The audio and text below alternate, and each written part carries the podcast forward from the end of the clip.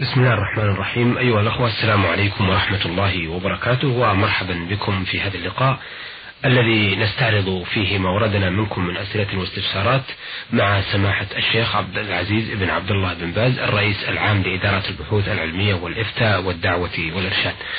آه، في بداية لقائنا هذا نشكر فضيلة الشيخ لإتاحة هذه الفرصة للإجابة على أسئلتكم واستفساراتكم.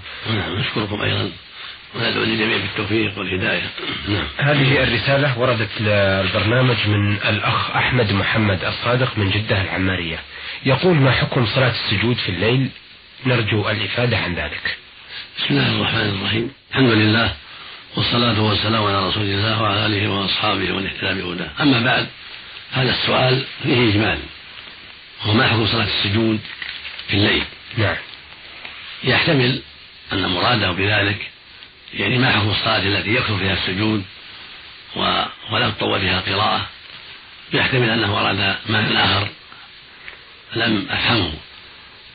فإن كان يسعى الأول فقد جاء النبي صلى الله عليه وسلم ما يدل على شرعية الإكثار من الصلوات وأنها من أسباب دخول الجنة. وأن ما سجد سجدة إلا زاده الله رفعه الله بها درجة. وفي حديث ربيعة بن كعب الأسلمي قال قلت يا رسول الله لما قال سل كان يخدم النبي صلى الله عليه وسلم. نعم. قال أسألك مرافقتك في الجنة. فقال أعني على نفسي بكثرة السجود بكثرة الصلاة. نعم. فكثرة الصلاة يلزم منها كثرة السجود. والسجود فيه خشوع لله وتعظيم لله عز وجل فهو من أسباب رفع الدرجات وحط الخطيئات. ومن أسباب دخول الجنة والنجاة من النار. ومن أسباب حصول الشفاعة من النبي صلى الله عليه وسلم لصاحبه إذا كان موحدا مسلما. وصح عنه عليه الصلاة والسلام أنه قال أما الركوع فعظموا فيه الرب وأما السجود فاجتهدوا في الدعاء. فقبلوا أن يستجاب لكم يعني حي يستجاب لكم؟ رواه مسلم في الصحيح. وقال أيضا عليه الصلاة والسلام أقرب ما يكون العبد من ربه وهو ساجد فأكثر الدعاء. فليدل على أن السجود له شأن وأن العبد أقرب ما يكون من ربه في حال سجوده. لأن السجود حالة خضوع حالة ذل لله وانكسار بين يديه سبحانه وتعالى. يضع وجهه الذي هو أشرف أعضائه الظاهرة يضعه في الأرض. خاضعا لربه مطمئنا خاشعا يرجو ثوابه ويخشى عقابه. وفي هذه الحالة في غاية الذل والانكسار فهو أقرب ما يكون إلى الله جل وعلا. ولهذا قال عليه الصلاة والسلام أقرب ما يكون العبد من ربه هو ساجد فأكثر الدعاء. فدل ذلك على أن الدعاء في السجود دعاء مطلوب وأن صاحبه حري بالإجابة. وصح عنه صلى الله عليه وسلم في حديث ثوبان أن العبد ما سجد الله سجدة إلا رفعه الله بها درجة وحط عنه بها خطيئة. فينبغي الإكثار من الصلوات في الليل وفي النهار كالضحى والظهر وفي الليل بعد العشاءين وبعد العشاء وفي جوف الليل وفي آخر الليل كل هذه أوقات عظيمة ينبغي فيها الإكثار من الصلاة ولا سيما في الليل. فإن الليل الصلاة فيه أفضل من صلاة في النهار وأقرب من الخشوع وهدوء القلب كما يقول جل وعلا إن ناشئة الليل أشد وطئا وأقوم قيلا الصلاة في الليل لها شأن. والإنسان فيها أقرب ما يكون الخشوع والذل بين يدي الله ولا سيما في جوف الليل وفي آخر الليل. فينبغي الإكثار من الصلوات في الليل وفي النهار ويختمها في الليل بالوتر إذا صلى ما كتب الله له من الصلوات ختمها بالوتر. وأفضل من يكون 11 ركعة أو 13 ركعة كفعل النبي عليه الصلاة والسلام.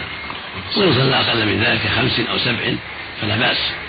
النبي صلى الله عليه وسلم كان يتنوع في صلاته ربما أوتر بخمس. ربما أوتر بسبع ربما أوتر بتسع ربما أوتر بإحدى عشرة وهو الأغلب ربما أوتر بثلاث عشرة. فالأمر في هذا واسع. وإن صلى في الليل عشرين ركعة أو ثلاثين ركعة أو أربعين ركعة أو مئة ركعة وخذها الوتر فكل هذا لا بأس به. نعم. النبي صلى الله عليه وسلم سئل عن صلاة الليل فقال مثنى مثنى فلم يحد حد عليه الصلاة والسلام. ما قال عشر ولا عشرين بل أطلق. فالإنسان يصلي في الليل ما بدا له ولو مئة ركعة. لكن منذ مشقة على نفسه مع الرفق بنفسه ومع الطمأنينة وعدم العجلة ثم يختم بالوتر ولهذا قال عليه الصلاة والسلام صلاة الليل مثنى مثنى فإذا خشي أحدهم الصبح صلى ركعة واحدة وتر له ما قد صلى. فيصلي ما كتب الله له في الليل ولا يسهر بل ينام ويصلي هذه السنة. نعم. حتى لا يتعب في النهار وحتى يتفرغ لأعماله النهارية وعباداته النهارية. فيصلي ما كتب الله له في الليل في أول الليل أو في جوفه أو في آخره. والآخر أفضل إذا تيسر ثم يوتر بواحدة. ركعة واحدة هذا هو الأفضل. نعم. نعم. أه سؤاله الثاني يقول آه، ما حكم صلاة الضحى؟ هل هي سنة أم واجبة؟ أفيدونا جزاكم الله خير جزاء. ونتمنى لكم التوفيق. صلاة الضحى سنة وليست واجبة. الرسول صلى الله عليه وسلم سئل عن الصلوات الخمس الظهر والعصر والمغرب والعشاء والفجر قال السائل هل علي غيرها؟ قال له النبي إلا لا إلا أن تطوع. ليس عليه الخمس في اليوم والليلة إلا أن يتطوع فصلاة الضحى والرواتب التي مع الصلوات الخمس وصلاة الليل كلها مستحب حتى الوتر مستحب على الصحيح. حتى الوتر سنة مؤكدة وليس بواجب عند جمهور أهل العلم. نعم. نعم. آه هذه الرسالة وردت من حوطة بني تميم من المقدمة ميمها. آه تقول المقدمة ميمها ما حكم السلام على المحارم بالتقبيل والمصافحة؟ وإذا كان ذلك جائز فمن يكون له من الأقارب؟ الأخوة أم الأب أم العم أم الأخوال وهل يدخل في ذلك محارم الرضاعة؟ أقصد بالتقبيل بين الرجل والمرأة. السلام على المحارم لا بأس به. السلام من الرجل على محارمه ومن المرأة على محارمها لا بأس. بالمصافحة أو بالتقبيل كل هذا لا بأس به. والمحارم هم المبينون في قوله جل وعلا ولا يبدين زينتهن لبعولتهن أو آبائهن أو آباء بعولتهن أو أبنائهن أو أبناء بعولتهن أو إخوانهن أو بني إخوانهن أو بني أخواتهن أو نسائهن أو ما كتبانهن والملك اليمين لا بأس بإبداء الزينة لكن ليس من المحارم من كل وجه لكنه في حكم المحارم من هذه الجهة. وكذلك الأخوال والأعمام هم أيضا من المحارم. فهؤلاء هم المحارم. أبوها وأجدادها وأبو أمها وأجدادها من جهة الأم وأبناؤها وأبناء بناتها وأبناء بنيها وإخوة المرأة وأبناء إخوتها هم محارمها أيضا وأبناء أخواتها من محارمها. هكذا أخوالها وأعمامها كلهم محارمها وهكذا أبو زوجها وجد زوجها وابن زوجها وابن ابنه وابن بنته من بنت الزوج وابن ابنه. كلهم محارم كلهم محارم لها. نعم. ولا بأس أن يقبل الرجل محرمه عمته خالته أمه جدته أخته. لا بأس يقبلها لكن الأفضل يكون مع الرأس ولا سيما الكبيرة أو مع على الأنف أو على الخد. هذا هو الأفضل. وكره جمع من أهل العلم تقبيل الفم إلا للزوج. يقبلها مع فمها هذا يكون للزوج نعم. لا للمحارم. هذا هو الأولى. الأولى يكون للزوج لا للمحارم المحارم على الرأس على الأنف على الخد هذا هو هو الأولى والذي ينبغي. نعم. وسواء كان المحارم من النسب أو من الرضاعة حتى الرضاعة أبوها من الرضاعة عمها من الرضاعة خالها من الرضاعة ابن زوجها من الرضاعة أبو زوجها من الرضاعة كالنسب. لقول النبي صلى الله عليه وسلم يحرم من الرضاعة ما يحرم من النسب. هكذا قال عليه الصلاة والسلام. نعم. فالنسب مثل فالرضاعة مثل النسب. وهكذا المصاهرة كما تقدم أبو الزوج. محرم من جهة المصاهرة. نعم. أبو الزوج جد الزوج ابن الزوج. هذا محرم من من جهة المصاهرة سواء من النسب أو من الرضاع. والمصاهرة من باب أولى. نعم. آه، سؤالها الثاني تقول ما حد عورة المرأة عند محارمها؟ هل هي عورة كلها أم من السرة إلى الركبة؟ وما حكم نصف الكم للمرأة عند المحارم؟ وما حكم لبس الثياب الشفافة؟ أرجو إفادتي بذلك. هذا فيه تفصيل لأهل العلم واختلاف بين أهل العلم. منهم من قال إنها إنه إن المحرم منها ما بين ما فوق العورة ما فوق السرة وتحت الركبة المحارم ولكن هذا فيه نظر. والأقرب والله أعلم ما جرت العادة. نعم. ما جرت العادة بكشفه مثل الرأس مثل الرقبة مثل القرط في الأذن مثل الذراعين واليد والكفين مثل القدمين. طرف الساق الشيء جرت العادة بخلافه بين بين المحارم وفي البيوت هذا هو الأقرب والأفضل ستر ما سوى ذلك. إلا عند الحاجة مثل حاجة الرضاعة خارج ثديها عند الرضاعة لا نعلم في بأسا لإرضاء طفلها عند محرمها كأخيها وعمها ونحو ذلك. نعم. فالحاصل أن كونها تستر بدنها وتحتاط عند محارمها ولا سيما في هذا العصر الذي قل فيه الدين عند بعض الناس وكثر الفسق والتساهل من كثير من الرجال فكونها تحتاط عند أوليائها ولا سيما الجاهل والفاسق ينبغي لها أن تحتاط دائما فلا يظهر يظهر منها إلا ما جرت العادة في ظهوره من, من الوجه الكف القدم أو بعض الشعور عند الحاجة لا بأس بهذا ومهما أمكن يعني التحفظ فهو أولى ما عدا الوجه والكفين والقدمين عند المحارم نعم. لأن بعض الفساق قد يزين له الشيطان ما لا تحمل عقباه وإن كان محرما فينبغي التحفظ مهما أمكن إلا ما جرت العادة الغالبة بكشفه من الوجه والكفين والقدمين ونحو ذلك. نعم. نعم. طيب وبالنسبة للملابس الشفافة لا ما تجوز شفافة شفافة خطيرة. نعم. قد تبدي العورة.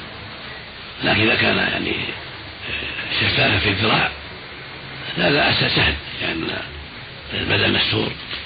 فينبغي أن تكون الملابس ساترة صفيقة. نعم. لا لا تبين ما وراءه من حسن اللحم ونور اللحم من حمرة وبياض ونحو ذلك.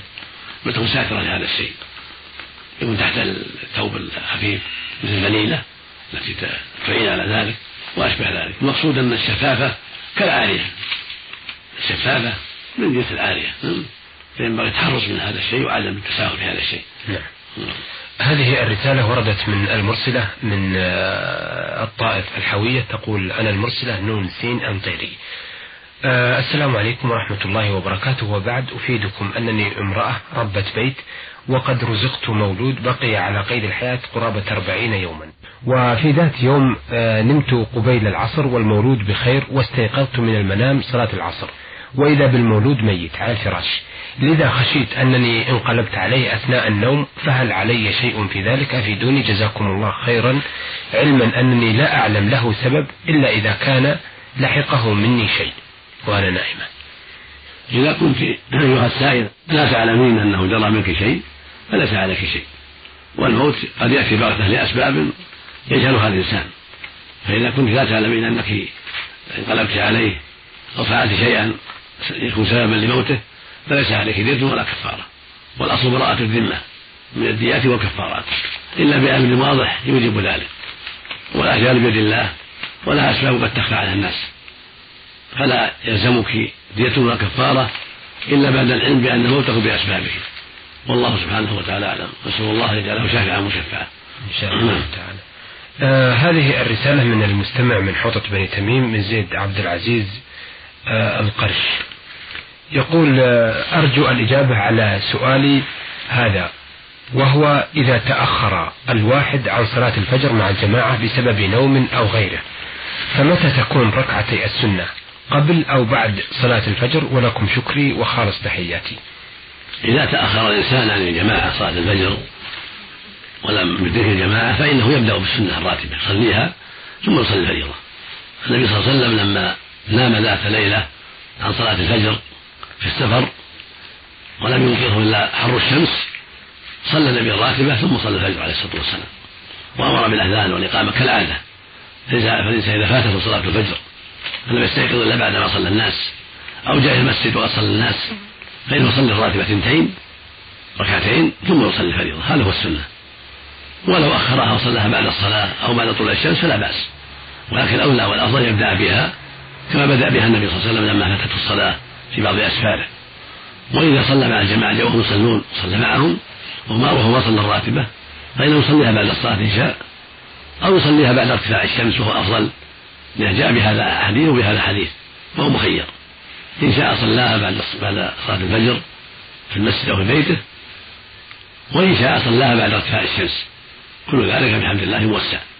وكله جاء في جاء في حديث جيد عن النبي عليه الصلاة والسلام. آه هذه رسالة وردت من البحرين. يقول مرسلها أنا حامد محمد عبد الحميد من جمهورية مصر العربية ومقيم في دولة البحرين الشقيق ومتابع لبرنامجكم نور على الدرب وأنا مسرور منه جدا جدا لإجابته على أسئلة المستمعين. يقول سمعت في البرنامج من آه، فضيلة العلماء أن الطفل الذي يتوفى يتوفى يصلى عليه وأنا توفى مني أربعة أطفال لا يقل العمر عن سنة واحدة ولم يصلى عليهم لأنني مفوض الأمر لوالدي أفيدوني أفادكم الله. لا شك أن الطفل الصحيح لا يصلى عليه. الطفل الصغير الرضيع يصلى عليه. هذا هو الصواب. قال بعض العلم لا يصلى عليه. ولكن الصواب أنه يصلى عليه. فإذا جهل الإنسان ودفنهم ويصلي عليهم جهلا منه فنرجو أن يعفو الله عنه وليس عليه شيء. لكن ينبغي له التنبه للمستقبل وألا يدفن حتى يصلى عليه. يكفن يغسل ويكفن ويصلى عليه كالكبير. يصلى يغسل. يكفن يطيب ويصلى عليه ثم يدفن كالكبار. هذا هو المشروع هذا هو الواجب وهذا هو الأرجح من قول العلماء في الطفل الصغير. نعم. سؤال آه، حامد محمد من البحرين يقول سمعت أيضا في برنامجكم آه، أن المعاملة مع البنوك محرمة والشيكات كذلك وأنا لابد من إرسال نقودي عن طريق البنك لأنني لا أستطيع أن أذهب إلى مصر بالنقود التي معي ما زاد عن خمسين جنيه. فما الحل في ذلك؟ هل نرسل بواسطة البنوك أم لا؟ أما المعاملة مع البنوك الربوية الفوائد هذا لا يجوز. كونه يعطي مالا ويأخذ عليه فوائد أو يستقرض من البنك بفائدة هذا لا يجوز. هذا ربا بلا شك ومحرم. أما كون يحول ماله من بنك إلى بنك لأجل المشقة في نقله أو الخوف في نقله فنرجو أن لا حرج في هذا. وهذا من جنس الشيء الذي يضطر إليه الإنسان. هذه أمور اليوم ضرورية تعتبر ضرورية وهو لا يقصد الربا وإنما حول ماله من جهة إلى جهة فلا يضره ذلك. نعم. ولا حرج في هذا إن شاء الله. إن شاء الله. أحسنتم. أيها السادة إلى هنا نأتي على نهاية لقائنا هذا الذي استعرضنا فيه أسئلة السادة أحمد محمد الصادق من جدة من العمارية. والمرسلة ميم ها من حوضة بني تميم والمرسلة نون سين المطيري من الطائف من الحوية وزيد بن عبد العزيز القرش من حوضة بني تميم وحامد محمد عبد الحميد من البحرين. آه عرضنا هذه الأسئلة والاستفسارات التي وردت منهم على سماحة الشيخ عبد العزيز بن عبد الله بن باز الرئيس العام لإدارة البحوث العلمية والإفتاء والدعوة والإرشاد. شكرا لسماحة الشيخ وشكرا لكم أيها السادة. وإلى أن نلتقي نستودعكم الله والسلام عليكم ورحمة الله وبركاته.